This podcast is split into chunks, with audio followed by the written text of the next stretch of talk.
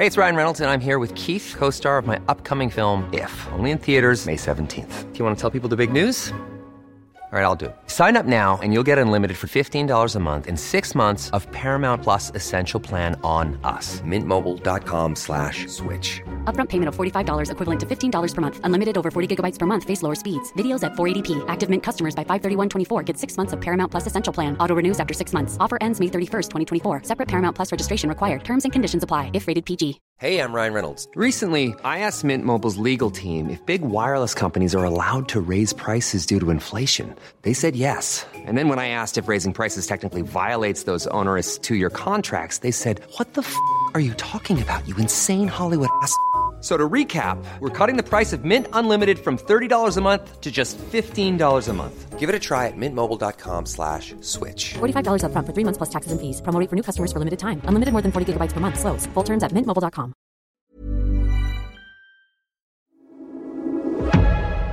Du lyssnar på GVS ljudböcker.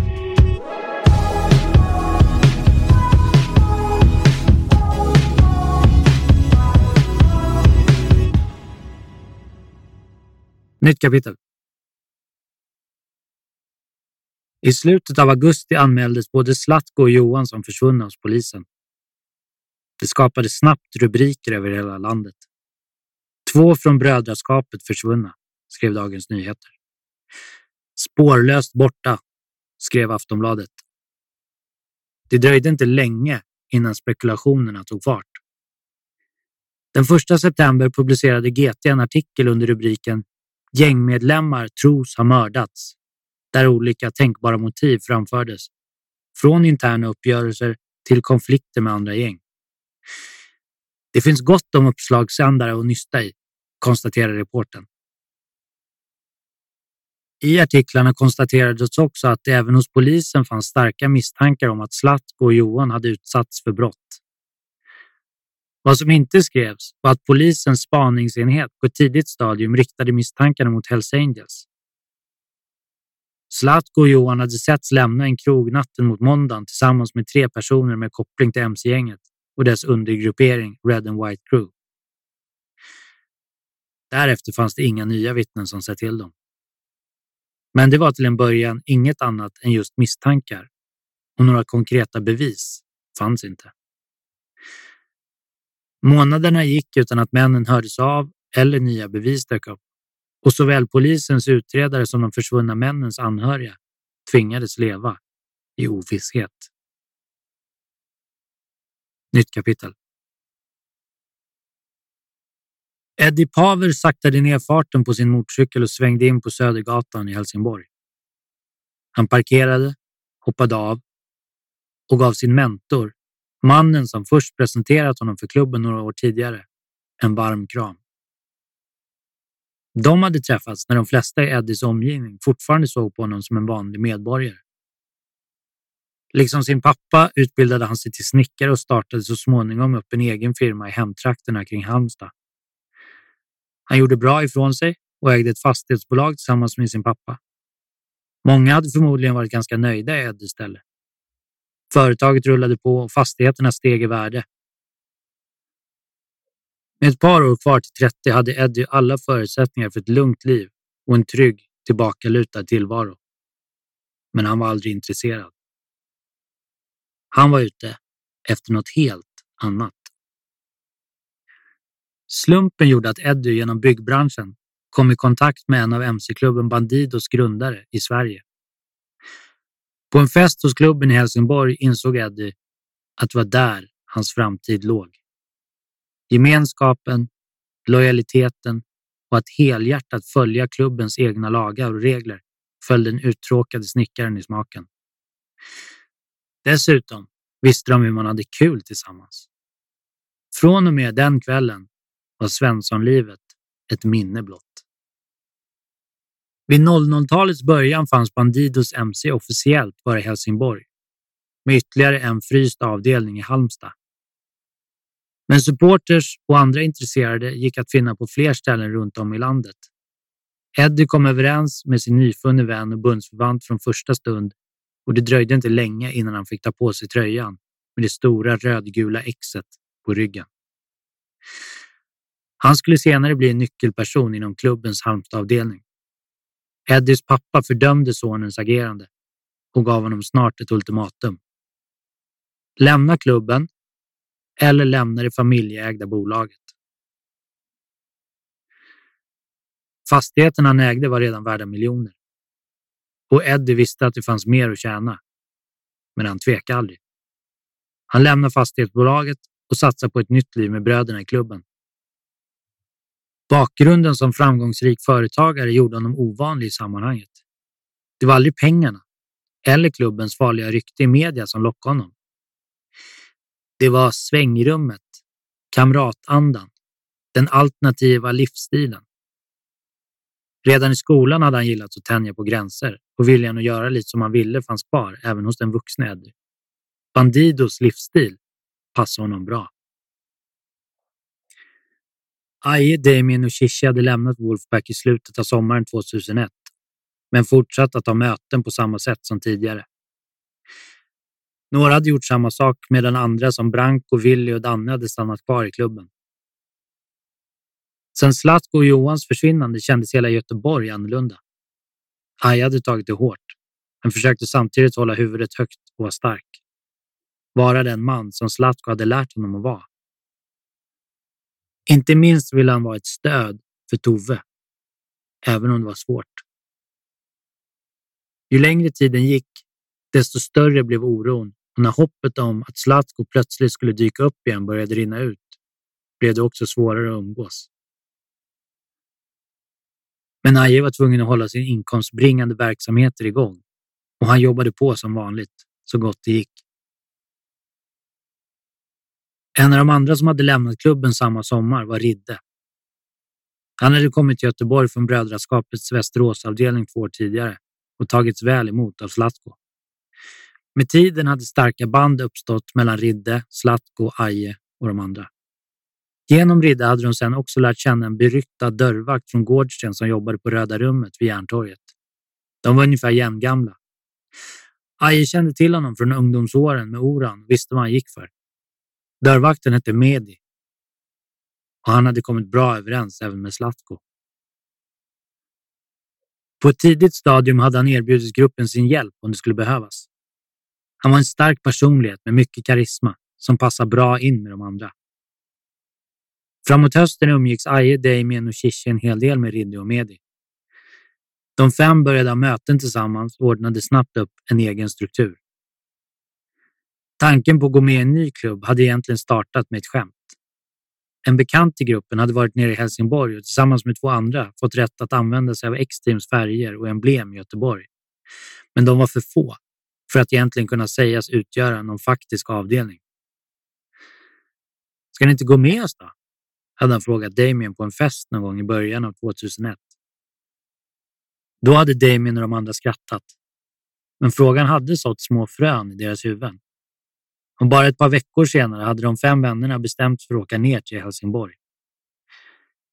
Det var lite nervöst att ordna ett möte för att träffa ledningen för Bandidos svenska och danska avdelningar.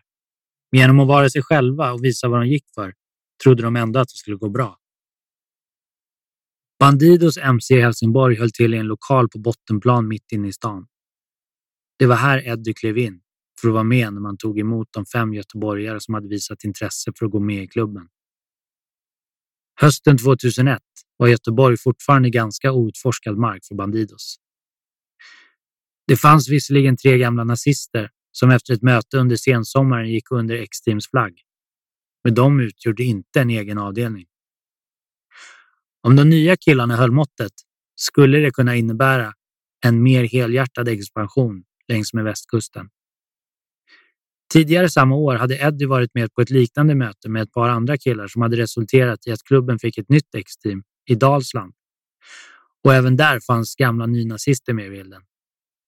Kanske var det detta som gjorde att Eddie, som själv kom från en kroatisk familj, hade förväntat sig att även de nya göteborgarna skulle vara en mer homogen skara av svensk härkomst. Han kunde knappast ha haft mer fel. In i lokalens entré kom nu fem unga killar vars etniska rötter, förutom Sverige, förgrenade sig till Brasilien, Iran, Tunisien, England och forna Jugoslavien. Dessutom visade det sig att några av dem sedan tidigare kände den Patrik som numera tillhörde Support Team X i Dalsland.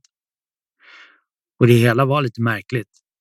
Men Eddie gillade det nya, multikulturella gänget direkt. Mötet leddes av samma man som tidigare släppt in Eddie-gänget och även han gillade uppenbarligen de glada göteborgarna. Någon prövotid behövdes inte, bestämde han. Och redan samma kväll delades X-team-tröjorna ut och en plan för etableringen i Göteborg lades upp. Därefter bar de av med färjan till Danmark för att fira med klubbens Köpenhamnsavdelning. Dagen efter vaknade de nyblivna X-team-medlemmarna med få men goda minnen från sin första riktiga Bandidosfest. Reaktionerna hemma i Göteborg lät inte vänta på sig. Gänget fick förklarat för sig att de hade skrivit under sin egen dödsdom. Det fanns alldeles för många, alldeles för starka gäng och nätverk i Göteborg som inte skulle vilja ha konkurrens för att de skulle kunna överleva, löd den återkommande varningen. Men istället för att vika ner sig såg de till direkt att klargöra att de menar allvar. De satte sig ner och gjorde en telefonlista. Under det kommande dygnet ringde telefonen hos samtliga personer med ledande positioner i Göteborgs undervärld. De förklarade helt enkelt att de fanns och att om någon ville prata så var det bara att höra av sig.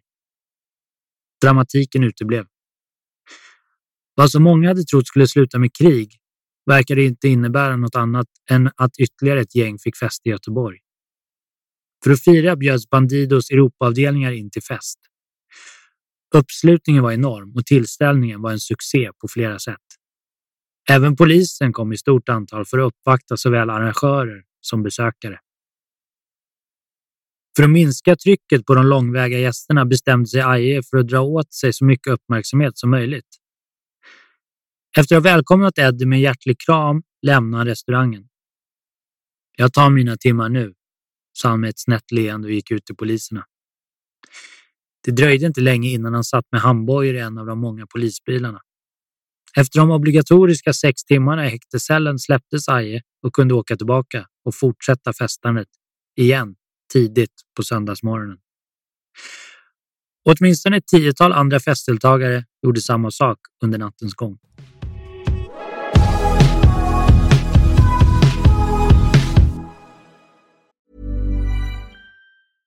Hey, I'm Ryan Reynolds. At Mint Mobile, we like to do the opposite of what Big Wireless does. They charge you a lot, we charge you a little. So naturally, when they announced they'd be raising their prices due to inflation, we decided to deflate our prices due to not hating you. That's right. We're cutting the price of Mint Unlimited from $30 a month to just $15 a month. Give it a try at mintmobile.com slash switch. $45 upfront for three months plus taxes and fees. Promo for new customers for limited time. Unlimited more than 40 gigabytes per month. Slows. Full terms at mintmobile.com. Even when we're on a budget, we still deserve nice things. Quince is a place to scoop up stunning high-end goods for 50 to 80% less than similar brands. They have buttery soft cashmere sweaters starting at $50, luxurious Italian leather bags, and so much more. Plus, Quince only works with factories that use safe, ethical, and responsible manufacturing. Get the high-end goods you'll love without the high price tag with Quince. Go to quince.com/style for free shipping and 365-day returns.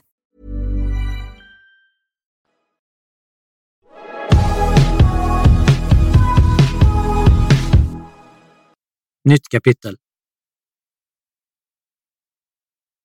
Artikel publicerad i Göteborgs-Posten den 30 november 2001. Bandidos etablerar sig i stan. Fem kriminella gäng i Göteborg om MC-klubben lyckas med sitt försök. MC-gänget Bandidos gör ett försök att etablera sig i Göteborg. Skulle det lyckas betyder det att fem kriminella sammanslutningar opererar i stan. Det var under den gångna helgen som mellan 150 och 200 Bandidos-medlemmar från övriga Sverige, Danmark, Norge och Tyskland besökte en persisk restaurang nära Odinsplatsen. Ägaren hade fått en omfattande beställning via en landsman i Kortedala och förutsatte att det handlade om en iransk fest. Jag blev chockad när de här grabbarna kom in. Jag hade aldrig hört talas om organisationens namn tidigare. Jag ville inte bli inblandad i något skumt, men bokningen var gjord. Och faktum är att allt gick lugnt tillväga. Alla skötte sig utmärkt, berättar krögaren. Bandidos har en supporterklubb med epitetet X-team som ännu inte har någon egen lokal. Den arbetar dock hårt för att få ett ordentligt fotfäste i kommunen. Det var för att visa dessa individer sitt stöd som en större samling originalmedlemmar kom hit. MC-gänget har länge haft sitt högkvarter i en lantbruksliknande gård i det lilla samhället Kattarp i nordvästra Skåne och uppges på senare tid även ha letat efter alternativa fastigheter inne i Helsingborg. Västra Götalandspolisens underrättelserotel håller ögonen på utvecklingen. Vi har en särskild insatsstyrka som följer de kriminella grupperna. Detta är något som polisledningen absolut tar på allvar, säger en kommissarie med mc-relaterad brottslighet som specialitet. Hur många Bandidos-anhängare bor idag i 031-området? Antalet är fortfarande begränsat, fast allting kan ju eskalera. Vad har man för intresse av att starta Göteborg? Marknadsandelar i knarkhandel, beskyddarverksamhet, indrivning, utpressning och försäljning av svartsprit och cigaretter. Man räknar alltså med att det finns utrymme att slå sig in här trots rådande konkurrens. Ja, det verkar väl så. Men eh, det kommer nog bli tufft för dem. Ytterligare fyra sammanslutningar står under kontinuerlig bevakning från polisens sida. Hells Angels som sedan 1997 lever i fred med forna ärkefienderna inom Bandidos har en egen anläggning uppe i Gunnilse.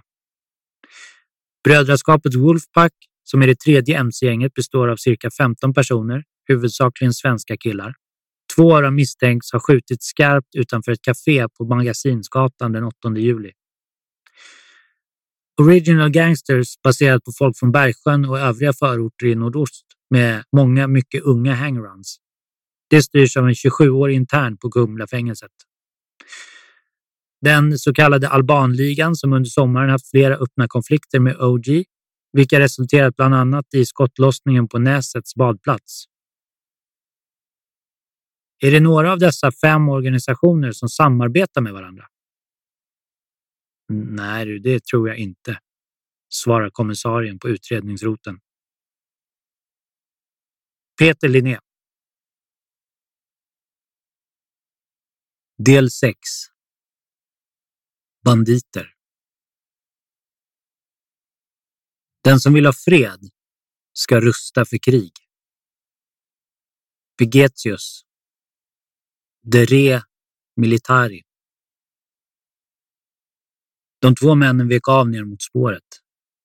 Stenarna knastrade under deras Nike-skor innan de kom upp på cementplattorna bredvid rälsen och började gå bort mot sitt mål. Lösa plattor slog emot varandra när de gick. Den tidiga vårsolen sken precis som förra gången. Det var länge sedan nu. Damien log när han tänkte på det. Samtidigt som han höll blicken fäst på sina fötter och armarna lätt utsträckta för att hålla balansen. Bakom honom lunkade Aje framåt på samma sätt. Ett steg per platta. Då och då ett större kliv för att ta två plattor istället. Inget av alternativen var helt naturligt. Då och då slängde han ett öga bakåt för att kolla så att det inte kom något tåg. Tio år. Fattar du? ropade Damien rakt ut i luften. Va? Damien vred på huvudet en aning för att göra sig hörd. Det är tio år sedan nu. Ja, jag vet. Tror du flaskorna ligger kvar? Ja, vi får se. Tror du våra målningar är kvar? Ja, men annars gör vi ju nya, sa Damien och skrattade. ja, det gör vi. Damien tog en klunk av sin Herrljunga äppelcider. De hade köpt varsin flaska i samma kiosk som för tio år sedan. Ingen av dem var egentligen särskilt förvånad. Vare sig över att de fortfarande var vänner eller att de faktiskt gick här igen. Så långt senare. Precis som de hade bestämt. Men det kändes bra. Aje delade gärna upp sitt liv i etapper. I hans huvud stod de som staplar bredvid varandra. Eriksbergspromenaden var från och med nu ett sätt att mäta tiden. Det var dags för en ny stapel och det såg ljust ut. Klubben hade etablerat sig utan större problem och expanderade snabbt. Bland andra Mohammed, som Aje hjälpte undan vapenbrott, den där gången på häktet några år tidigare, hade gått med. Han hade visat sig ha mer gemensamt med de fem grundarna. Polisen hade de fortfarande under intensiv bevakning, men det viktiga var att etablera X-team och där hade de lyckats bra. Visst kunde det bli tryckt stämning vid möten med gamla bröder, men några konfrontationer var det aldrig tal om. Han tog en klunk cider och tittade upp. De var nästan framme vid bron och tunneln nu. Låg flaskorna kvar? Fattar du? Nu var nu då. Precis som nu är nu nu. Det är bara en punkt i rumtiden. Det är helt sjukt när man tänker på det. Vi är bara observatörer, men sa Damien finurligt och la in en konstpaus. Nu är vi här. Han gestikulerade med spretande fingrar och viftade med händerna medan han tittade på sin vän som stod med en grön glasskärva i handen. På den satt delar av en etikett kvar. Cider samt de trasiga orden R. Ljunga och Orgin gick att läsa på det solblekta pappret. Aj böjde sig ner och plockade upp ännu en grön bit. Kolla här, en till, sa han. Bitarna låg gömda under bron som löpte över tågspåret, precis framför tunneln. Någon gång under de tio år som de legat där hade de gått sönder. Förmodligen av vibrationer från alla bilar som dagligen passerade ett par decimeter ovanför. Men de låg kvar där. Några på bronstjocka metallbjälkar och några i gruset i branten under den. Jag ska fan ta med den här biten hem, sa Aje. Ja, men då måste du ju lämna en ny. Men det är klart. De tog sina sista klunkar och placerade sedan omsorgsfullt de gröna glasflaskorna på varsin plats under brons fäste. Ska vi kolla tunneln? sa Damien och de tog sig ner för den grusiga backen och ut på spåret igen. De gick in i tunneln. Vi måste göra om det här igen om tio år, sa Damien. Ha, svarade Aje. Ja, jag tror att det ger tur att gå hit. De såg sig omkring i tunneln. Kolla där! TSB. Det nya året hade börjat i makligt tempo för Aje. Han och Damien hade åkt över till Ajes mamma i Sheffield över nyårshelgen. De hade vandrat runt på marknaden och återupplevt gamla minnen. På nyårsafton hade de i lugn och ro och firat in det nya året med varsin flaska Baileys. Trots alla problem där hemma var de fulla av tillförsikt inför framtiden. 2001 hade varit kaotiskt för alla med någon som helst koppling till Göteborgs kriminella värld. Skottlossningen vid Näsets badplats, Slatko och Johans försvinnande, etableringen av Bandidos X-team. Många av de poliser som arbetar med den organiserade brottsligheten i Göteborg under åren kring millennieskiftet skulle senare betrakta sensommaren och hösten 2001 som ett kritiskt skede då stadens kriminalitet tog sig en ny, grövre och mer aggressiv skepnad. Göteborg förändrades under de följande åren och inte bara polisen hade svårt att känna igen sig i sin gamla hemstad. I början av maj 2002 kom den första påminnelsen om detta när två sönderbrända kroppar påträffades av ett par under en promenad vid ett grustag i Skaraborg. De identifierades som Slatko, Rajdokovic och Johan Ljung. Redan månaden innan fyndet hade polisen slagit till mot Hells Angels klubbgård i Gunnilse utanför Göteborg. De hade starka misstankar om att det var där Slatko och Johan hade mist sina liv. Och under den kommande sommaren skulle förundersökningen leda hela vägen fram till åtal. Ajes nära koppling till Slatko gjorde att han togs in för förhör, men han hade inte mycket att tillföra i utredningen. I övrigt försökte han fortsätta hålla huvudet högt och gå vidare. En av hans närmaste var borta och maktlösheten tärde på honom. Men att älta den gångna vinterns händelser såg han ingen poäng i. För Aje var allt det där utagerat. I alla fall på ett personligt plan. Sorgen hade han hanterat på samma sätt som när Oran gått bort fyra år tidigare. Med hjälp av sprit och kokain försökte han pressa ut känslorna. Under det kommande året skulle han bry sig allt mindre om sitt eget liv. Döden skrämde honom inte längre. Om något så lockade den honom.